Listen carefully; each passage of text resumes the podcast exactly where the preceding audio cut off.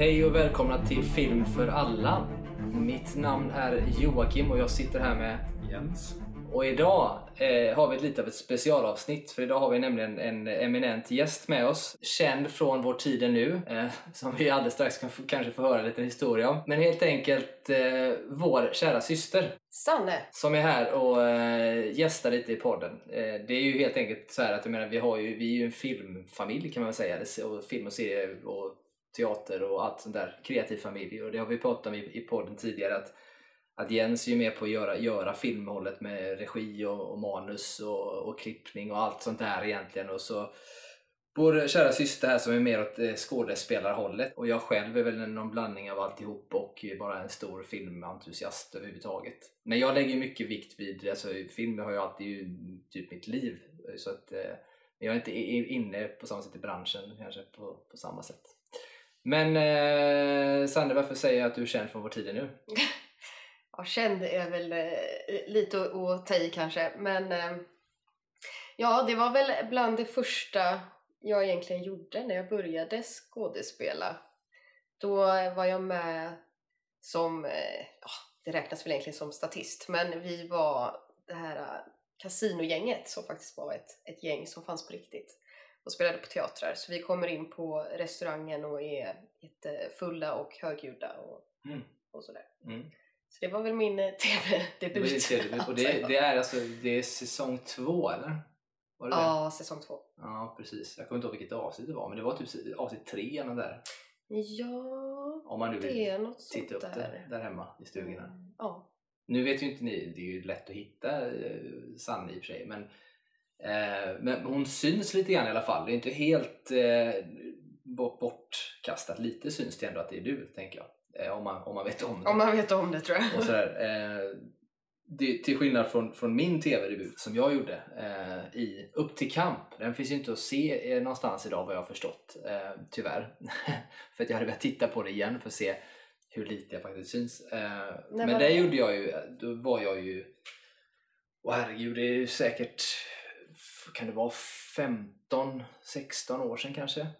Någonting. Och då hade jag också åkt in och så var i stan och liksom klädde ut mig, fick så 60-tals eh, outfit på mig och eh, satt i då ett klassrum som skulle föreställa på universitet när professor föreläste där och gick omkring där och då vet jag att eh, flera moment i klassrummet när de filmar runt och sådär så satt jag ju spänt och väntade på att oh, om jag syns någonstans.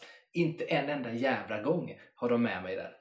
Inte en gång. De har filmat, han som jag, det fanns två, en kille och en tjej som jag pratade rätt mycket med den dagen som vi kom överens med. Han killen eh, filmar dem skitmycket. Det är på honom hela tiden runt så här. Och även på henne lite grann. På mig, där jag hade inte någonting. Mm. Och sen är det en scen precis efteråt när vi ska gå ut ur klassrummet där man svänger runt ett hörn. Eh, och, och där tänkte jag, men där kanske jag syns för jag låtsas man går och pratar låtsas här och så går man för, runt det här hörnet. Och där tänkte jag att men där kanske jag syns.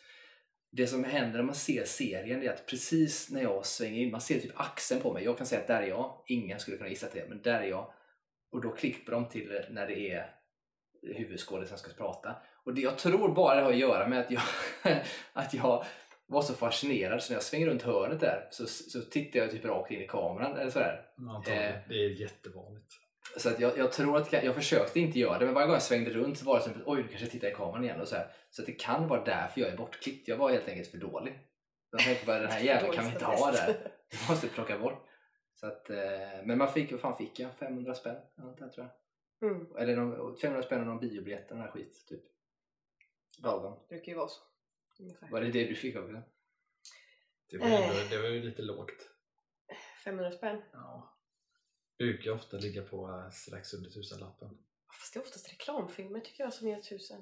Filmer och sånt brukar ändå vara... Ja, jag vet Alla faktiskt inte. produktioner jag har varit på så har statisten Ja, det om, det inte, om det inte är flanörer bara, de får mindre. Mycket väntan som statist ja. Ja, gud ja. Men det, är- men det är lite sugigt. Eller sugigt, jag förstår ju. Fan, man gör ju inte statist egentligen. Så att, men oavsett så är det ganska lång tid och så lite belöning på det. Mm. Men Jag, jag fick inte ens se mig så- själv. Liksom, på... Jag blir alltid förvånad över att det finns så många som vill vara statister.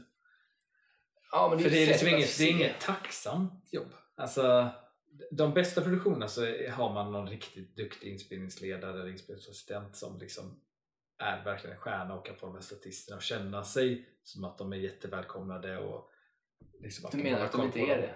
Nej, men det, det, jag hoppas jag att de är.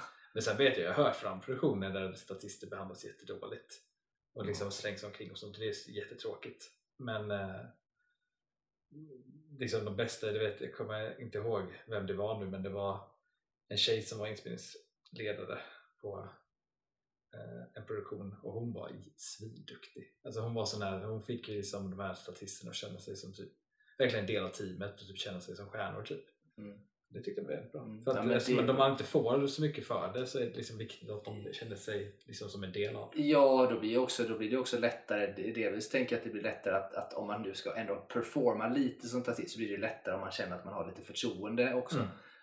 Ehm, och dessutom tänker jag att om det skulle vara så att man behöver regissera, ge regi till statister så är det ju enklare om man har byggt lite relation på Mm. något sätt och en god relation. För behandlar man dem illa så kommer ju statisterna kanske man inte har lust att följa det de säger. Liksom. Bara, ja, fuck it, liksom. Eh, men det är inte det vi ska prata om idag. Det var kul, kul att prata om, om statistbitarna eh, som, som varit en, en del av. Eh, utan idag ska vi egentligen ägna oss åt att prata om det här som vi nämnde för några avsnitt tillbaka. Eh, när vi pratade Marvel en hel del så Mm. hade vi ju en väntan på oss att ja, men snart kommer ju D23 Expo när Disney kommer presentera fler grejer och sådär tänkte vi. Eh, eh, lite coolt. Så att, det ska vi röra vid idag Mm. egentligen. Så att vi kan ju bara hoppa rätt in i det och tänka så här att när ni nu har sett trailers till de här D23 eh, bitarna. Vi kan ju börja med, vi kan börja med Jens så vi sen tänka lite. Eh, så vi börjar med dig, så här, vad hakar du fast dig på? Vad tänker du, tog du med dig från D23 nu? Alltså först så var det väl lite så här anti-climax typ. Alltså jag förväntade mig mer. Mm. Eh, speciellt att det i stort sett inte var någonting om Fantastic Four överhuvudtaget. Eh, vilket jag trodde det skulle vara. Lite rykten men ingenting Ja, mer än att, fast det blev klart några dagar innan va? typ att eh, de fick en regissör till Matt Shackman som ska Mm. regissera. Ja, just det. Eh, sen så var det väl, eh, eller det som gjorde mig, eh, två saker som gjorde mig mest excited var väl dels att de ska börja med de här Marvel Specials som ska vara någon ny form av, eh, ja, de har ju sina serier och sina filmer men nu ska de väl ha någon form av mellanting. De blir väl typ som filmer eller kanske miniserier ibland eventuellt. Men att det ska vara liksom lite mer nischade projekt. Så det tyckte jag var kul. Och sen den andra stora som jag tyckte var intressant var den nya animerade Star Wars-serien från, vad heter han, Filoni. Ja just det, Star Wars Filoni. Tales of the Jedi. Ja, för då har vi Dave Filoni som gör eh, den Star Wars-serien heter ju Tales of the Jedi då. Eh, och det här verkar ju väldigt spännande. En ung Count Dooku till exempel Mm. om man nu är intresserad av det. Eh, kommer ju vara med. Eh, kan också vara häftig såklart. Eh, sen eh, Och en ung eh, Qui-Gon Jinn. Och en ung Qui-Gon Jinn, vilket kan vara lite roligt också. Eh, så. Ja, men det tar du ändå lite grann med dig från de här då. Vi kan gå in lite mer på dem så, så småningom kanske. Ja. Eh, om vi går över till Sanna då, vad, har du, vad tänker du? Eh, vad hakar du fast dig mest vid? Det är väl eh, mitt gamla barndomshjärta som värms av att se både Den lilla sjöjungfrun Mm. eh, och Disenchanted. Mm, just det. Ja, för Lilla Sjöjungfrun kommer ju en live action nu precis som de har gjort med, med liksom Lejonkungen, om man nu kan kalla det för live action. Det är ju en eh, ett shot med som är riktigt tror jag i Lejonkungen. Mhm. Det är första shotet Ja, på precis. soluppgången. Det tror jag det var riktigt sen resten av datorn Så att man, man kanske inte kan säga att det är en live action. Men de har gjort det, de har gjort Skönheten och odjuret, eh, Aladdin. Aladdin och nu då eh, till slut eh, Mm. Little Mermaid då. Eh, det här. Eh, vilket är häftigt. Den har ju, jag fick ju rysningar när jag såg den Mm. eh, trailern eh, enormt mycket. Och sen sa du också Disenchanted. Mm. Vad, vad är det för något för de som inte känner till? För det är nog inte jättekänd egentligen på det sättet. Det är den första filmen, Enchanted då, handlar om eh, Giselle som är en, en tecknad figur då från början men som hamnar i, i vår värld Mm. och blir människa då. Och sen så stannar hon kvar där och, och sådär. Och, Just det, för hon träffar någon... Eh, ja, exakt. Hon träffar en, en kille där som spelas av Patrick Dempsey. känd från Grey's Anatomy. Ja. McDreamy. McDreamy. ja. Men hela Enchanted spelar, spelar liksom väl på det här sagotemat. Liksom. Är prinsessor och prinsar och sånt. Ja, precis, Ja. precis. Så det är ju den kontrasten från att hon är inne i den världen och allt är glatt och hon sjunger och djuren kommer till henne och sen så kommer hon då till vår värld och han är väldigt så här ah, New York. deprimerad och stressad och Mm. sur person typ. Så det är väl den kontrasten egentligen. Ja, den är väldigt spännande också ska jag säga. Det är ju eh, återigen om man tittar på vad som görs nu. Du har då Disenchanted, du har Little Mermaid, eh, du har alla de här bitarna som görs så ser vi återigen att de som är eh, som tar de kreativa besluten på vad som ska göras är vår generation, ish, kan man säga. För det är mycket som görs för att man har upplevt saker när man var yngre och nu vill se Mm. det igen-biten som vi har varit inne på flera gånger. Att man gör för oss men också försöker locka in en ny publik i det. Så vidare. Sen har vi några till för nu har vi ju nämnt eh, lite grann eller, eh, eh, Lilla Sjöjungfrun som ska komma då, eh, som är film. Vi har nämnt den här eh, som Jens pratade om, Werewolf by Night som är den här Marvel eh, special-grejen. Eh, vi har också pratat om Disenchanted, den här filmen som ska komma uppföljare från Enchanted. Då. Andra intressanta är ju Mandalorian säsong 3 Mm. eh, som ska komma. Vi har Secret Invasion som vi pratade om innan, Marvel eh, med, med Nick Fury, alltså Sam Mm. Jackson. Eh, vi har Andor som kommer snart, väldigt snart. Ja, nästa vecka va? Är det nog ja. Ja, nästa vecka för oss. När Ja. vi spelar in det. Ja, precis. Något sånt. Sen har vi då eh, National Treasure-serien. Edge of history. Precis. Eh, vi har Willow-serien som Ja. också är bara någon månad eller två bort. Mm. Eh, och sen har vi då eh, Percy Jackson-serien som ska komma, vilket jag tycker att filmerna är lite charmiga i sig. Så jag vet inte hur, hur taggad jag är på serien, för jag tycker filmerna ändå var okej, så sett till vad de är. Så jag vet inte riktigt hur de, om det kommer bli något annorlunda med serien, men man kommer väl se det precis som vanligt. Eh, och sen sista som jag vill nämna egentligen, nej men vi har ju Hokus Pokus 2 också. För Hokus Pokus är också så här som man växte upp med till viss del och sett och sådär av de här häxorna som är där. Det är också en film som kommer. Ehm, och sen en då som, som jag själv, är- jag säger inte att jag brinner lite extra för men jag älskar ju Santa Claus-filmerna med Tim Allen. Eh, alltså The Santa Claus när han Mm. blir, får bli jul, jultomten helt enkelt. Och nu kommer ju då en, en ah, vad säger man, en sequel, uppföljare på det då, som heter The Santa Clauses, Mm. alltså i plural. Eh, man har väl hört lite rykten om vad det ska handla om. Det är ju fler, fler tomtar inblandade helt enkelt. Eh, så den är jag lite taggad på, men det är mest för att det kan bli en mysig julfilm sådär, som kan vara trevligt. Eh, om man vill gå tillbaka bara och prata lite grann om jag tänker vi kan ju ta lite på den här Werewolf by Night och bara fastna lite grann vid den. Ja. För det som är intressant med den här Marvel nu, att de gör de här special-grejerna, är ju att den är, den är kort. Så det är inte en riktig film. Mm. Det är ju inte heller en, alltså det är ett långt avsnitt av en serie, men det är ju inte en serie i sig. Så det blir ju som en kortfilm. Alltså, ja, alltså, den blir ju... Alltså, som, som sagt ska den vara typ 60 minuter tror jag. Så det blir ju också... Det passar tycker jag in i, i vad för typ av liksom, genre de verkar luta sig in i. För att de gamla monsterfilmerna från 30-talet, de var ju typ 60 Mm. 70 minuter långa. Eh, Så att, och det är en viss eh, effektivitet i de filmerna, story och dramaturgmässigt typ. Eh, Ja, och det kan vara intressant att se i den här Werewolf- by Night. Det var mycket i trailern som var så här, man inte riktigt, det var mer känsla. Man vet inte alls egentligen vad som kommer hända egentligen. Det ser ut som att det typ är såna här tidsagenter från Loki nästan med i serien Mm. när de slåss lite. Sen är det ju en flash av uh, Man-Thing, vilket är intressant Mm. att se i tidningen. Ja, jag, tycker att den, jag, jag blev ännu mer hype på den för jag tyckte också trailern var, var bra. Lovade mycket. Eh, och jag gillar så att jag tänker på att det bara är så kort. För det är precis som du säger att det var så de gamla de här skräckmatinéerna som gick. Det var nästan som en sån här Alltså som, de gick som matinéer liksom mellan filmer nästan ibland. Alltså mellan riktiga filmer inom citationstecken. Sådär. Eh, så att det ser jag fram emot. Sen, sen som det gjorde mig ännu mer taggad det är ju vem som regisserar den.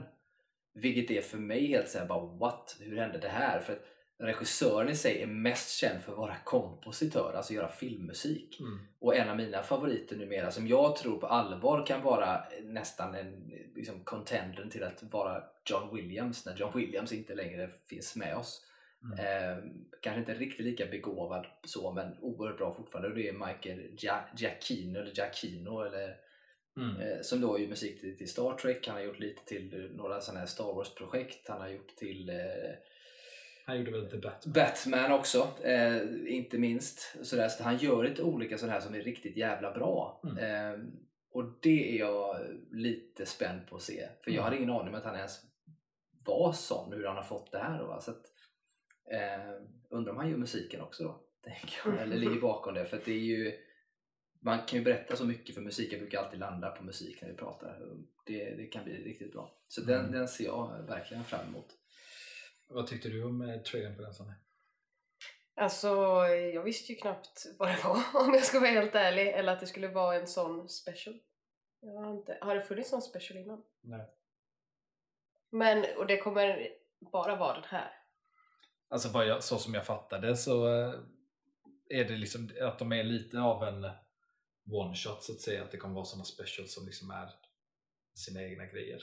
Men sen, det är ju Marvel, det knyter säkert upp på något sätt. Ja. Alltså jag tänker det, alltså med, ta- med tanke på att man ser TSA-agenter, om det nu är det, för det är jävligt likt, men man ser det, man ser Man-Thing, man ser det här, så även om det är one-shots så utspelar de sig fortfarande i samma typ universum. Ja, det är ju samma universum det är det ju.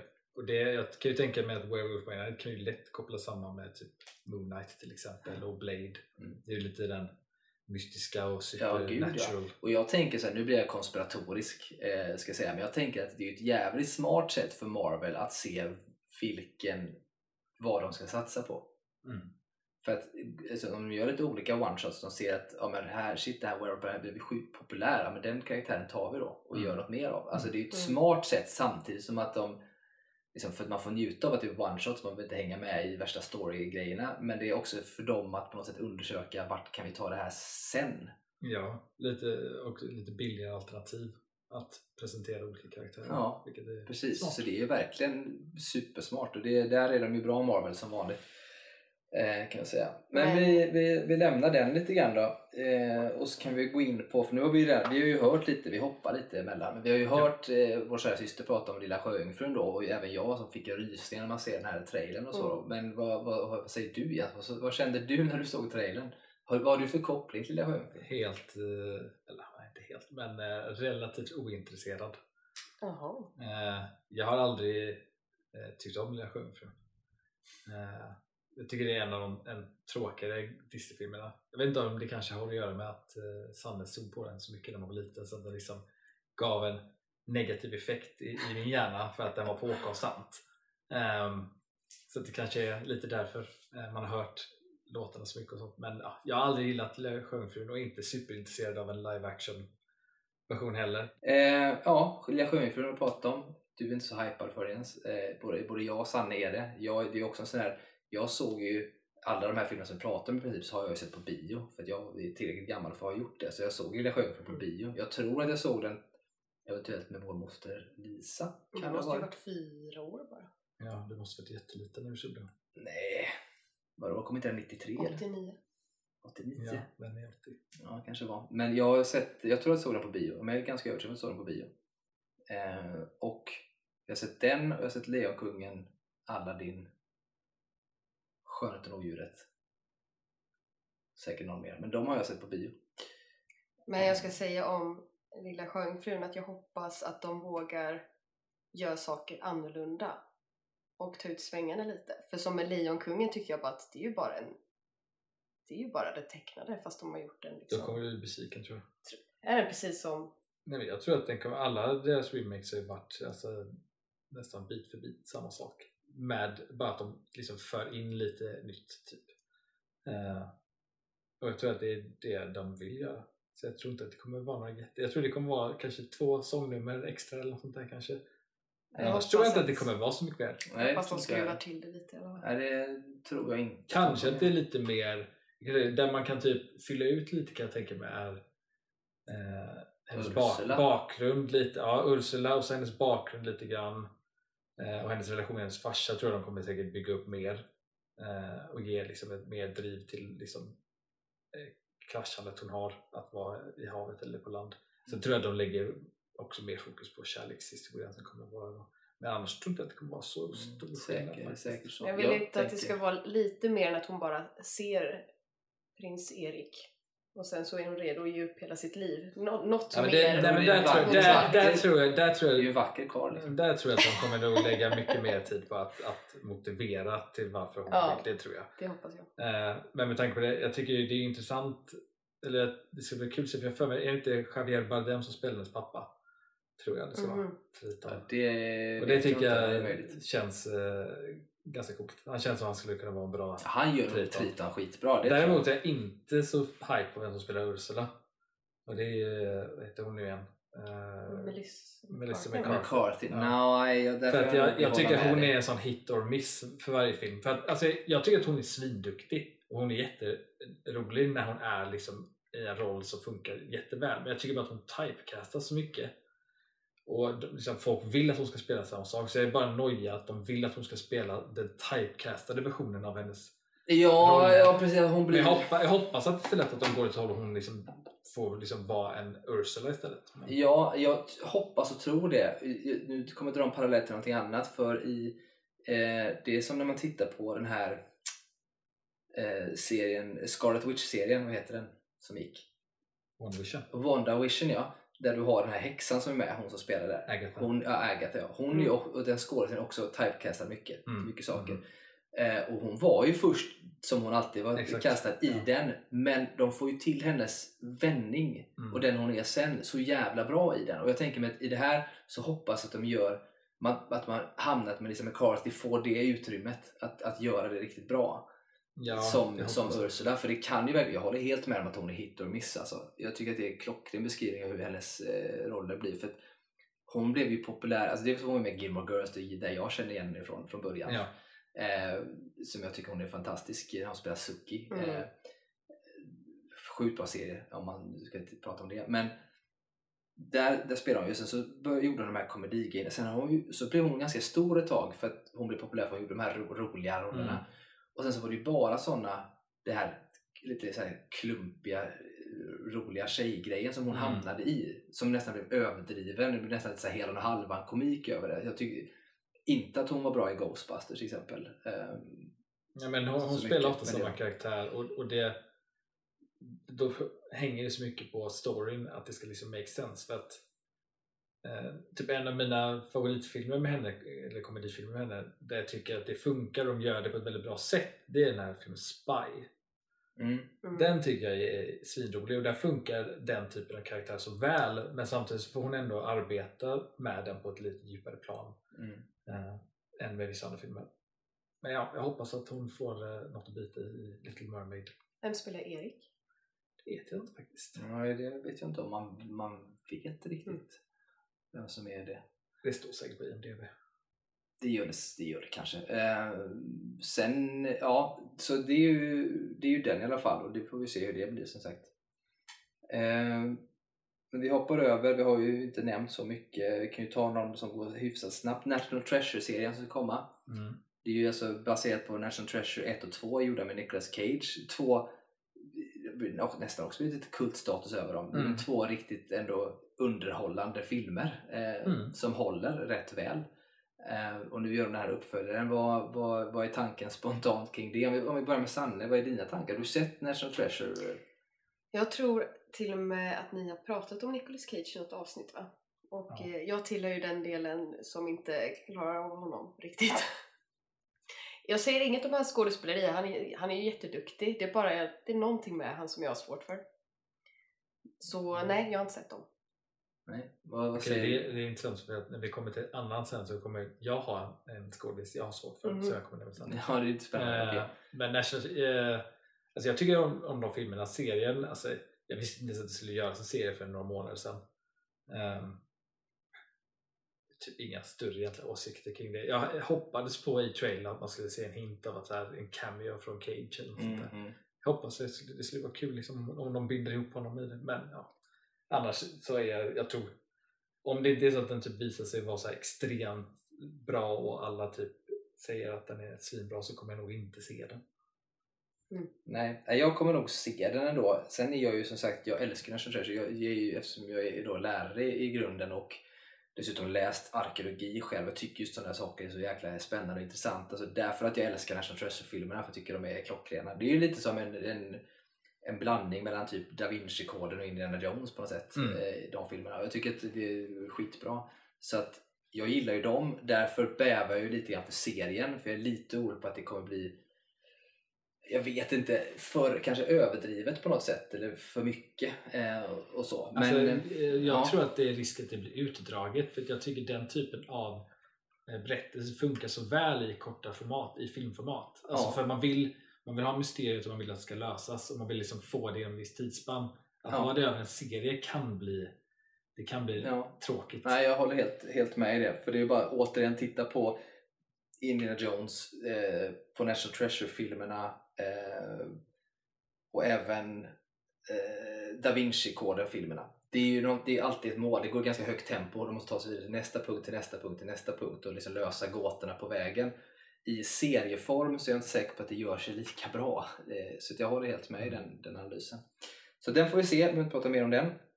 Eh, vi ska komma in på en serie Uff, den här serien, vi kan, vi kan inte stanna för mycket vid den här heller, men det är ju Willow. Ja, alltså den trailern gav mig så mycket nostalgi. Alltså jag, jag måste, den får mig att jag behöver se filmen igen. Ja, och för er som inte känner till Willow och lyssnar, så Willow är alltså en fantasyfilm. Vi nämnt den när vi pratade Industrial Light and Magic avsnittet Mm. lite grann. Eh, men det är alltså en, en fantasyfilm från, från långt tillbaka som eh, är gjord av, eh, alltså storyn är gjord av George Lucas eh, tillsammans med, tror jag att han är med någon annan, men ja, det baserar sig i alla fall på en idé av George Lucas precis som Indiana Jones gör och som Star Wars gör. Eh, och den är regisserad filmen som kom då av Ron Howard. Mm. Eh, och det hade ju framsteg i specialeffekter och sånt de gjorde i filmen på det sättet. Då. Eh, Val Kilmer är med sjukt bra i, i, i filmen som karaktär, en del intressanta karaktärer. Filmen i sig såg jag om för inte så länge sedan och den är fruktansvärt dålig.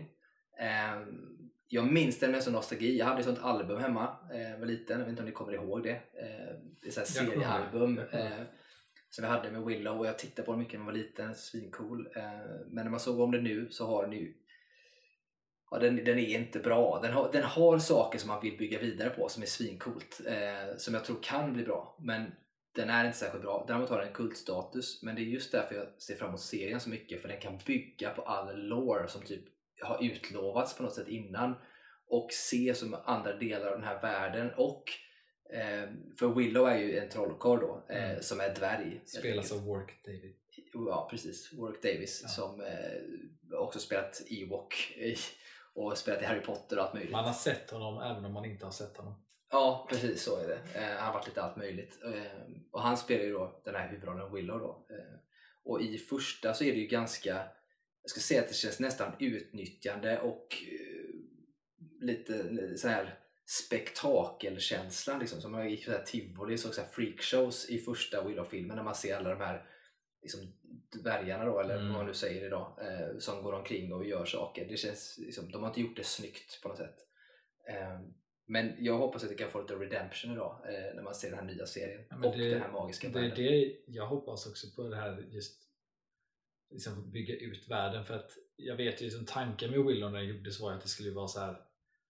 De ville ju att det skulle vara en, en fantasy Star Wars liksom så skulle kunna Mm. göra ett universum bygga ut det men den gick ju så, tyvärr inte så bra när den gjordes liksom och var väldigt dyr och tjänade inte in så mycket. Sen har den då fått kultstatus i efterhand. Så jag tror verkligen den tror jag ligger så himla rätt Mm. att komma ut med en serie nu Mm. och tror jag kan funka så himla väl. För att alla som såg den när de var små och gillar av nostalgiska skäl kommer nog tycka om serien tror jag. Eh, Jag och jag tror att den kommer funka väl för nya också. Så jag hoppas. Ja, det tror jag med. Och i och med att det ligger lite sådär, det finns, man ser Willow och har läst det innan så vet man att det finns en hel del saker som typ refereras och som nämns lite grann som man kan bygga vidare på i det här. Vilket kan vara häftigt att få se fler delar av världen. Men, och sen kan man väl säga att ja, eh, till skillnad från det förra vi pratade om eh, som jag inte kommer ihåg vad det var nu, men skitsamma. Men det är ändå lite grann att eh, för Willow i filmen, han är ganska mesig. Man fattar inte riktigt varför han har Alltså varför han är speciell, varför han har de krafter han har, eller varför han skulle vara så mäktig på något sätt och de här bitarna. Och det hoppas jag att de verkligen kan bygga ut nu och visa på varför och hur han är så mäktig som han är. Eh, så han känns ju som i, den trailern känns som att han, att han har fått den här rollen av liksom vice legendariska trollkarlen liksom. Ja, är ja men typ som en, eh, det är ju som att Gandalf skulle ha en huvudroll. Liksom, Mm. typ. så att, eh, det ser jag fram emot för att han är ganska mesig i, för det är ju verkligen Val Kilmer som är dragnamnet i den filmen som, som den här krigsnubben, eller den här riddarsnubben. Ascool karaktär för övrigt. Eh, tror inte att han är med i, i serien dock. Däremot så är hon med i serien, hon som spelar huvudrollen i, alltså som spelar med Val Kilmers kärleksintresse Mm. från Willow är ju med här, i- det ser man i trailern. Har du sett Willow Sanna? Nej, jag har inte gjort det. Nej, det kan ju vara eh, rekommenderat att göra kanske. Just för att den är ganska intressant att titta på idag ur olika perspektiv. Rent hur man gör film och så vidare. Eh, och sådär. Men jo, vad det tyckte du om trailern då? Men jag tänkte säga det att eh, jag tycker ju trailern var, verkar skitbra. Eller trailern var skitbra och jag tycker serien verkar lovande. Så jag vill gärna se serien och därför börjar jag kanske kolla på Willow. Mm, kan man göra. Och det var det jag skulle säga som jag tänkte på förut. Att eh, till skillnad från när vi pratar National Treasure där du har ett, ett system eller en film med en viss dramaturgi som behöver gå i tempo så här, från det ena till det andra och så vidare. Eh, så är ju Willow-filmen är ju motsvarande kan man säga. För Willow-filmen den går för, för fort Mm. egentligen. Eh, och där menar jag att här blir det tvärtom. Här gör serien, det lönar sig eller lämpar sig bättre att ha det som serieformat Mm. i det. För du kan bygga upp, du kan presentera karaktär, du kan bygga upp världen, du kan presentera vad, vad hotet är, alla de här bitarna på ett helt annat sätt än vad du gjorde i, i, i filmen från början. Eh, så jag tror att den lämpar sig yppligt för att vara serie. Så jag tror att det, den, det är nog en av de som jag är mest hype för Mm. eh, som ska komma, ska jag säga. Bra, vi behöver inte prata mycket mer om den egentligen, det ser vi fram emot. Ehm, kan ju nämna lite grann kring ja, Mandalorian säsong 3 visar de ju upp. Det var Mm. inga konstigheter eh, egentligen. Det, det jag tycker när jag ser den, för att jag har också diskuterat lite när man ser The Book of Boba Fett, de här Star Wars-serierna och även Mandalorian till viss del, eh, framförallt kanske säsong 2 och även Obi-Wan-serien som gjordes så, så känns ju skalan ofta ganska liten ändå för att de använder den här eh, tekniken då när de har det här vad heter det? The Stagen. volume. Ja, the volume, den här stagen med, med där de filmar på det sättet. Så, vilket är skitbra och billigt för dem säkert. Men det, i trailern, det lovar ju mycket i trailern. Där det känns som att de kanske dels har lärt sig av att använda volume på rätt sätt. Det är ett. Två är att det inte är covid på samma sätt längre. Och eh, tre, de kanske faktiskt har eh, märkt det själva.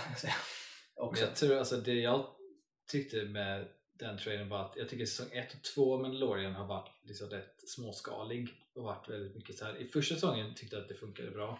Det som handlar mest om, om The Mandalorian liksom. Mm. Eh, Och det att kändes ju som en western som det skulle Ja typ exakt. vara. Ja. Så det liksom funkar i säsong 1. Sen tycker jag att säsong 2 blev liksom lite tradigt tycker jag för att det blir liksom så här, jag vill liksom jag vill se mer. Jag, vill liksom, jag har fattat vem han är.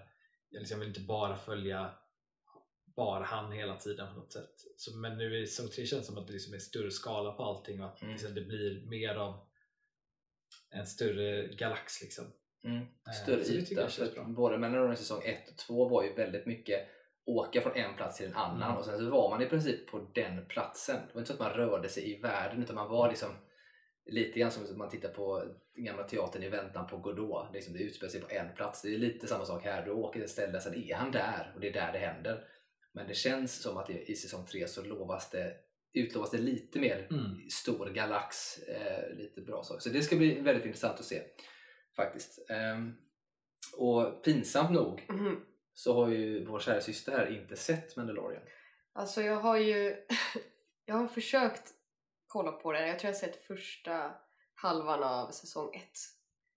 Men sen så glömmer jag liksom bort att kolla på det för att jag fastnar aldrig riktigt i serien. Men jag, vet kan ju också, att... jag kan också jag kan förstå också att, att man kanske inte fastnar i serien heller. För att jag, speciellt med säsong 1, för att den, den är så himla eller jag tycker säsong 1 känns som att den är så himla gjord för gamla fans. Eh, så jag tror att är man ett gammalt Star Wars-fan Fast det är jag ju. Fast du är inte, inte riktigt på samma skala som typ mig och Nej, så kan det vara. Eh, och då tror jag att man kanske inte riktigt hamnar in i det på samma sätt. Nej, och att det är den här lilla skalan. För du, du får liksom inte, du får liksom inte, för det är verkligen man räknar med att folk har sett Star Wars innan liksom, och har verkligen den biten. Men, men det är inte den skalan som gör att man blir nyfiken och intresserad. Oh, vad är det för väder? Vad ska de åka nu? Utan det Nej. är ganska litet och då är det kanske svårt att fånga eh, på det sättet. För det är ju rent krasst, nu ska man ju inte vara, eh, vad ska man säga, eh, fördomsfull eller stereotypisk men jag tror att som, som det kan jag bara uttala mig om, om kvinnor jag känner, så att säga, men de dras ju inte till att titta att det här är superintressant att följa en gubbe i mask som går omkring och skjuter. Liksom. Är ni med? Eh, att, att det, det- att det, det finns inget, inget drama i det och inget liksom, känslospel nödvändigtvis i första säsongen än, ska man säga, om man har kommit en bit. Men jag tror också att det är det, speciellt som skådespelare själv, att när jag tittar så tittar jag mycket på hur de skådespelar. Eftersom han har mask på sig så kan jag aldrig riktigt få en koppling till honom på något vis. Så jag vet inte om det också är därför jag inte riktigt fastnar i det. Ja, det, är Titta inte på mycket, det är inte kropp- mycket kropps- ansiktsspel att titta på. Nej, precis. titta på Du kropps... får kolla på sista avsnittet av säsong 1, då får du se hans ansikte. Är det så? Spoiler alert! Oj då. Eh, nej men så den, vi får väl se vad det blir av den eh, helt enkelt. Mm. Eh, en till när vi ändå är inne på Star Wars är ju Andor som kommer snart. Eh, Behöver inte nämna så mycket om. Trailern ser lovande ut. Stellan Skarsgård är med, bara det kommer ju att man Alltså jag tycker hela den serien eh, lovar extremt mycket. Alltså jag tror ju att, vad jag har hört liksom, och läst om det så tror jag att det kommer vara något av det bästa i Star Wars som har gjorts på år. Mm, det har jag förstått det som också med tanke på att de också här är tydligt och det här, jag tror att det spiller över lite på Mandalorian säsong 3 nämligen för de öppnar ju verkligen upp för att de pratar om det här med större värld, större Mm. galax, fler platser. Det ska liksom vara mycket mer så och det är så mycket ändå liksom politisk thriller nästan i det på ett sätt, så här spionthrilleraktigt då. Så att, eh, det ser väldigt bra ut och låter väldigt lovande så att Andrew kommer bli, eh, kommer bli fräck. Något jag tycker är lite ironiskt med att man ändå har gjort Andor och att ändå fans verkar ändå liksom vara hype för den är ju att den verkar ändå vara alltså rätt politisk, att det kommer vara mycket politik kring liksom hur Mm. med Imperiet och allt det där. Och samtidigt som typ det största klagomålet folk har ofta med typ prequels är att det är för mycket politik. Eh, Så jag tycker det är lite roligt att, att folk klagar på politiken i prequels, sen är de så excited för serie. Det kommer antagligen vara en del politik. Mm. Ja, det, det kommer det vara. Och jag tycker ju själv att, och det här är ju kanske för att jag är politiskt intresserad också, men jag tycker ju att det intressanta med prequels är ju just det politiska spelet. Jag hade ju nästan velat ha mer av det eh, på ett sätt och förstå, och förstå ännu mer bakom och sådär. Men Ja, jag tycker nästan att det är lite Alltså det är lite för lite Ja, det är näst- ja, det är alltså nästan för, lite för för lite att för- motivera ja, exakt. varför saker händer som de händer. Ja, liksom. exakt. För man förstår inte riktigt allvaret eller vad konsekvenserna skulle bli. Att Ja. Om man inte då nördar ner sig bakom och kollar på alla Clone Wars och allting så förstår man. För att annars så köper man ju bara. Men det, politiken blir så viktig. Och, och Star Wars, det är kanske därför, jag kanske är superpräglad av det. För Star Wars i det här läget, det är ju, det är ju två stora saker egentligen. Det är politik och det är religion. Mm. Kan man säga. Och de två sakerna, religion är ju historiens politik kan man säga. Eh, från innan vi visste bättre. Eh, no pun intended, eller ursäkta till de som är troende. Men, men innan vi visste bättre på något sätt så, så hade man ju religionen blev ju det som man hade som styrelseskick i princip. Som Mm. bestämde vilka lagar och vilka regler som skulle följas och hur man skulle vara mot varandra. Så där. Det som politiken gör idag i stor del. Eh, så den ser jag fram emot. Eh, Andor, Stellan Skarsgård. Vad tycker du om den tröjan Sanne? Nej, alltså... Jag kommer inte ens ihåg det. Nej. Jag minns att jag såg Stellan Skarsgård. Men har du, sett, har du sett Rogue One? Star Wars-filmen? Ja, Jaha, var det den? ja. Jaha, Alltså- gud jag trodde att den hette... Nej, för Rogue One Ah, är nej, film. just det, det stod bara till Andor skaparna av... av Just, ja, innan men då Rogue minns One. jag. Då minns jag. Eh, Huvudkaraktären i Andor var med i det, Rogue just det, One. jag frågade om det innan. Jag bara, dör inte han? men... Eh, nej, men den tyckte jag såg också jättebra ut. Men det är också lite så här när jag vet att han dör. Ja men det är lite så, jag, jag vet precis vad du menar. Det är lite sådär det ska bli intressant att se hur mycket man kan göra med karaktären när man faktiskt Mm. vet hans öde. Speciellt när man vet hans öde så rätt, rätt snart tidsmässigt. Ja, precis. Ehm, men det, det som jag tror kan liksom rädda upp det i den serien är att de presenterar, i alla fall trailern presenterar de in så himla mycket andra liksom, saker, ämnen och speciellt andra karaktärer. Vilket jag tror, speciellt karaktärer vi aldrig sett förut. Och då öppnar man Mm. upp mot mycket så här, vi vet inte vart det går och var, hur det går till och varför det händer som det händer. och sånt. Så jag tror att det finns ändå mycket de kan använda sig av. Mm. Mm. Ja, det är alltid intressant när det är just sådana där mellan, mellanfilmer eller mellanserier. Det tycker jag också är väldigt svårt för jag har ju varit så här eh, ett tag innan, och det här är ju hemskt, innan jag såg Clone Wars-serien till exempel så var jag lite grann så här, varför skulle man vilja se det? Tänkte jag. Varför, varför är det intressant att se vad som händer mellan filmerna? Det, alltså, typ så hamnar jag för att jag vet ju var det kommer sluta. Mm. Men, men man har ju lärt sig idag att det finns faktiskt historier som är väldigt, väldigt bra och, Mm. och givande och ger mer till filmerna om man liksom tittar på det mellan och gör det på det sättet. Om man gör det bra Mm. och snyggt så är det, kan det vara bra. Ja, Eh, för att det kan vara svårt annars att liksom verkligen heja på en karaktär. Ja, det kan vara lite svårt att motivera tittaren. Ja. Ja, det, det är svårt. Det som jag tror man kan ha utmaning just Andor är ju att kanske vara... Dels så vet man att han inte kommer dö där. Så att man vet att de Mm. stakesen är borta. Eh, Men man vet också att ödet som man har är, är, är som klart. Så att hur, hur känslomässigt kopplad kommer man bli till hans historia? För det kommer ju målas upp Mm. ganska mycket om hans barndom och Mm. hur det kommer vara. Och sådär.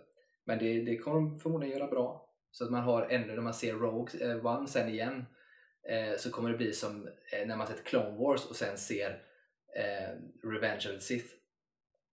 Eh, så mår man ju ännu sämre när Anakin vänder Mm. och blir ond. Och det är kanske lite samma sak med ser Rogue One, att när de dör då så kanske man blir ännu mer såhär, nej det kan inte vara sant. Så, här. så, att, eh, så kan det vara. Jag har ju typ på riktigt efter så Clone Wars och sen såg vi typ, alltså ser Revenge of the Sith, varenda gång så sitter jag och hoppas att han inte ska göra det. Ja. Det är helt sjukt.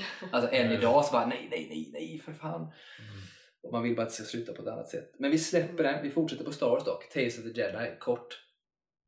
Ja. Animerad, Count Dooku, eh, Qui-Gon eh, som unga. Alltså jag älskar ju de här animerade som Dave Filoni har varit ansvarig för. Eh, jag har ju följt Clone Wars från start liksom och sen sett Bad Batch och jag har sett Rebels. Och, så tycker jag att han, är, han ju verkligen fångat liksom andan av Star Wars. Och de här Tales of the Jedi när de sa att det skulle komma ut så var det bara så här, åh gött, lite mer kopplat till Clone Wars. Så jävla kul liksom, vi får se. Mm. Och sen intressant att just det som liksom på något sätt standalone grej, lite mer, det ska ju handla lite om då Soka och hennes bakgrund, hur hon liksom hamnade som blev till som Padawan typ. Eh, men också det här med Count Dooku och eh, förmodligen då liksom presentera in hur han hamnade i den position han hamnade i och även hans relation med Qui-Gon Jinn intressant för det har vi inte sett någonting om innan.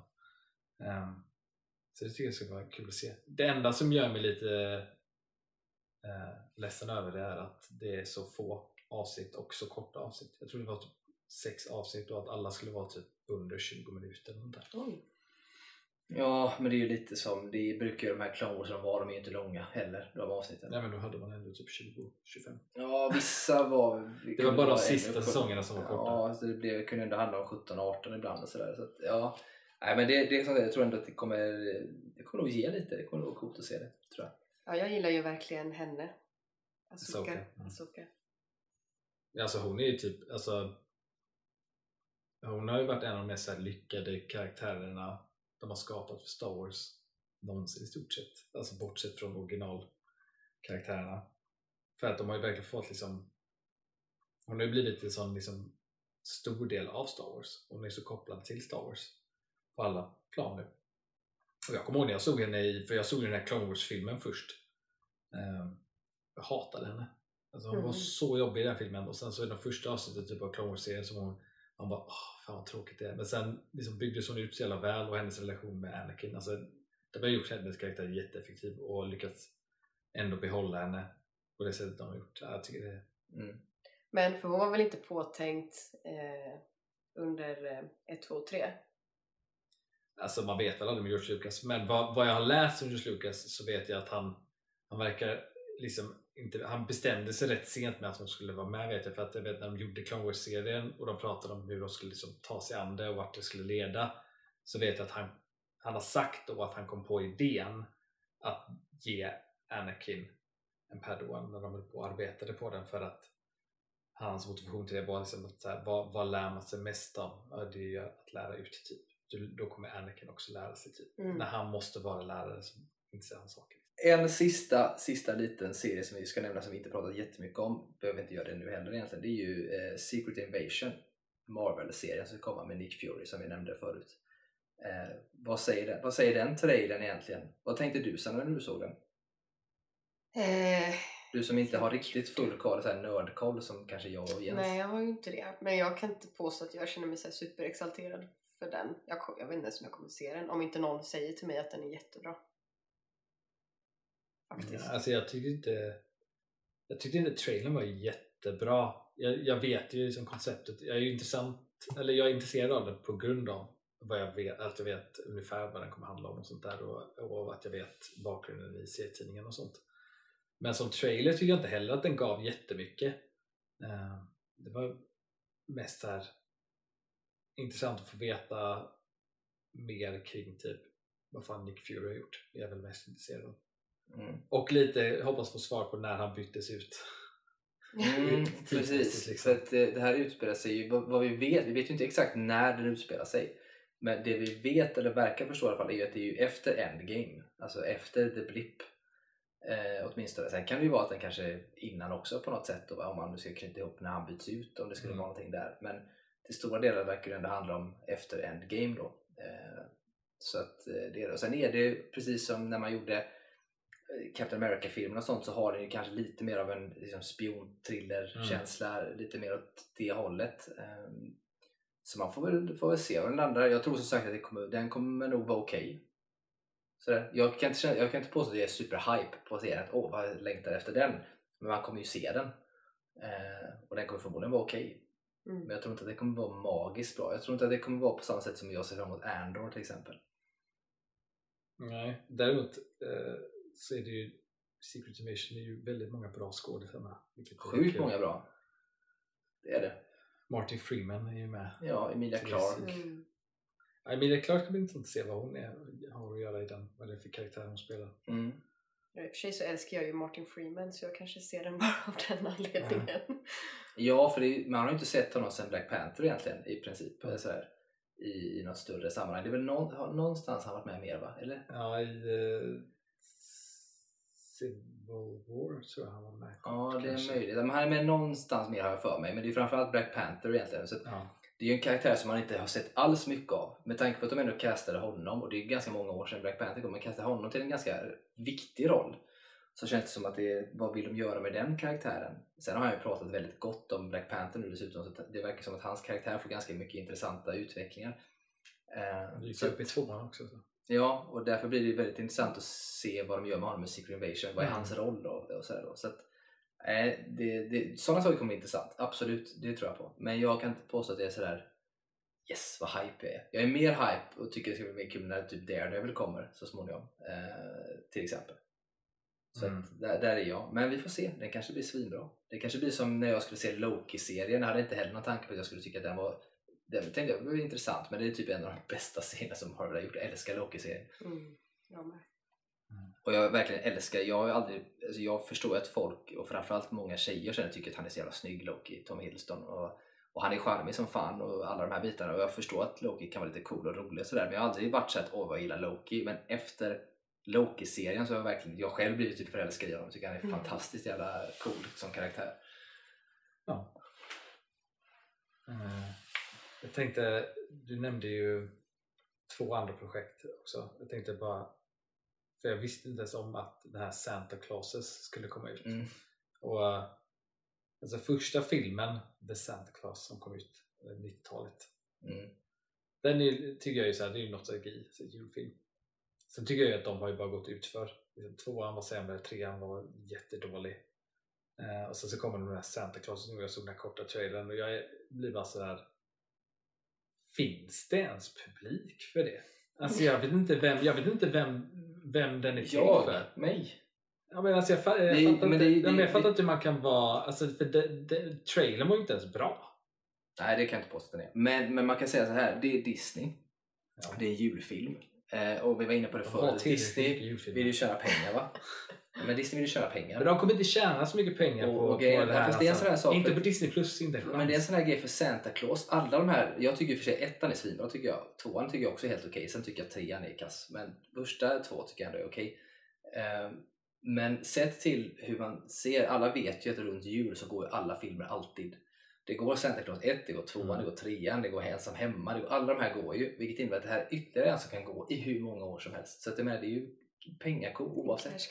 Men jag fattar inte hur det, hur, hur det kan tänka sig bli en cash cow i, på en streamingtjänst. För att alltså, julfilmer, det, alltså, det som har gjort julfilmer så populärt att just göra dem är för att man tjänar så mycket på att släppa på bio. För folk går och ser dem runt jul, Ja, för folk är lediga. Men nu är det, jag, tror inte, jag har svårt att se att så många skulle gå upp och skriva upp sig på Disney Plus Nej, för att Santa Clauses. Nej men att man säljer rättigheterna till filmkanaler då också är ju också ett sätt att tjäna pengar på. Det kommer de inte göra i det här fallet. Nej, det kommer de inte göra, inte när de har sin streamingtjänst. Eh, Nej, men det, och det kan man ju faktiskt säga med många saker med streamingtjänster som de gör. Eh, och Det har vi varit inne på med Amazon Prime när de gör alla sina eh, serier. Eh, typ som Rings of Power eller Wheel of Time-serien eh, och de här som de gör. Att man alltså, tjänar de verkligen på det? Får, får de fler på grund av det än vad de redan har? Eh, och det är ju en bra fråga. För Jag funderar nästan på om, om, om det är lite så drama och, och kontraktgrejer som har gjort att de har gjort den här Santa Clauses. För att jag tänker att de kanske har haft Tim Allen på något kontrakt så att de behöver, behöver göra en film med honom. Och sen så vet jag att han, han var rätt besviken på att han inte var rösten till Buzz Lightyear i den här nya Pixar Lightyear-filmen. Så det kanske är så här Disney så här, ja, kände att- Throw him a bone, Ja, menar du? För att han gör ju inte jättemycket nu liksom. Nej, så, så kan det ju vara. Sen tänkte jag på, som jag nämnde förut, att det fanns en, en skådespelare jag skulle nämna Mm. eh, som jag inte klarar av. Eh, det är först så är det här, för att de den här Hokus Pokus 2 ska komma ut. Mm. Hokus Pokus såg jag när jag var jätteliten så jag minns ingenting av den. Har ni sett Hokus Pokus? I sådana fall när jag var liten Ja, ja, ja. jag ja, minns ja. inte heller. Jag har sett Hokus Pokus. För Men jag, minns vet, här- jag vet precis vem jag du vet- menar. För jag, jag, har liksom Jag sett, vet vem du jag har menar. sett, liksom, eller jag vet liksom vad Hokus Pokus är. Jag är inte jätte, Erkänn, jag bryr mig inte så mycket om får jag tvåan. gissa vem det är? Ja, okej. Bette Midler. Nej. Sarah Jessica Parker. Ja. Sarah Jessica Parker, jag har så svårt för henne. Jag klarar inte av henne i något. Alltså, jo, det finns i och för sig en film jag kan komma på jag klarar av henne i. Och det är i Ed Wood. Där tycker jag att hon är helt okej.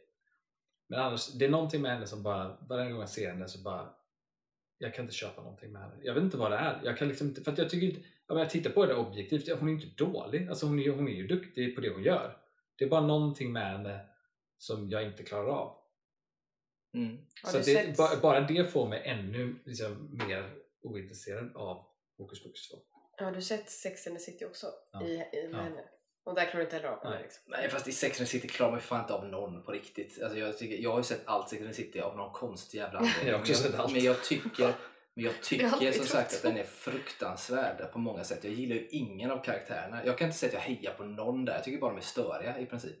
Det är inte så att jag önskar någon lycka liksom. Åh, jag hoppas hon hittar sin kärlek. Jag är såhär, fuck her, gå vidare. Jag gillar hon, eh, jag kommer inte ens ihåg vad hon heter i den, men jag gillar hon brunhåriga. Hon tycker jag... Charlotte. Ja, Hon Charlotte. är ja. också skitjobbig sen. Hon är jobbig tycker jag. Hon blir skitjobbig. Alltså, nej. Nej, jag, jag, gillar, jag har svårt, jag gillar inte karaktärerna där. Sen så vet jag att den gjorde mycket för samhället totalt sett, hur man såg på kvinnlig sexualitet och de här bitarna. Och det är nog så viktigt, eh, den, den, det var därför den blev så stor antagligen. Men, men det var någon som beskrev det någon gång, jag kommer inte ihåg vem det var, om det var en komiker eller om det var någon sån här journalist som beskrev den som att det, det handlar egentligen inte om kvinnor. Sex and the City, för den beskriver och handlar mer, det, det, det är bögvärlden den beskriver. Det har jag är också läst en artikel om. Ja, men någonstans har det varit så. Och det är så här, det är liksom, för jag tror den är skriven av det från början. Eller det är ju en kvinna tror jag. Men det, det är något, något som har en koppling till i alla fall böggame. För att det är så det är så bögvärdigt de beskriver. Och, och, det. så det är liksom som att det är bögvärd, i kvinnor, bögar i kvinnokroppar i princip. Jag tänker på en koppling där jag tänkte på nu bara, jag såg den här nya serien på Netflix eh, med Neil Patrick Harris. Ja, just det. han- Ja. Som heter, vad fan heter den? Heter, Uncoupled. inte- Uncoupled ja. Ja. För där, den tyckte jag var väldigt bra. Eh, och där satt jag och tänkte på att, att det, var, det här är en, en bättre version av Sex and the City.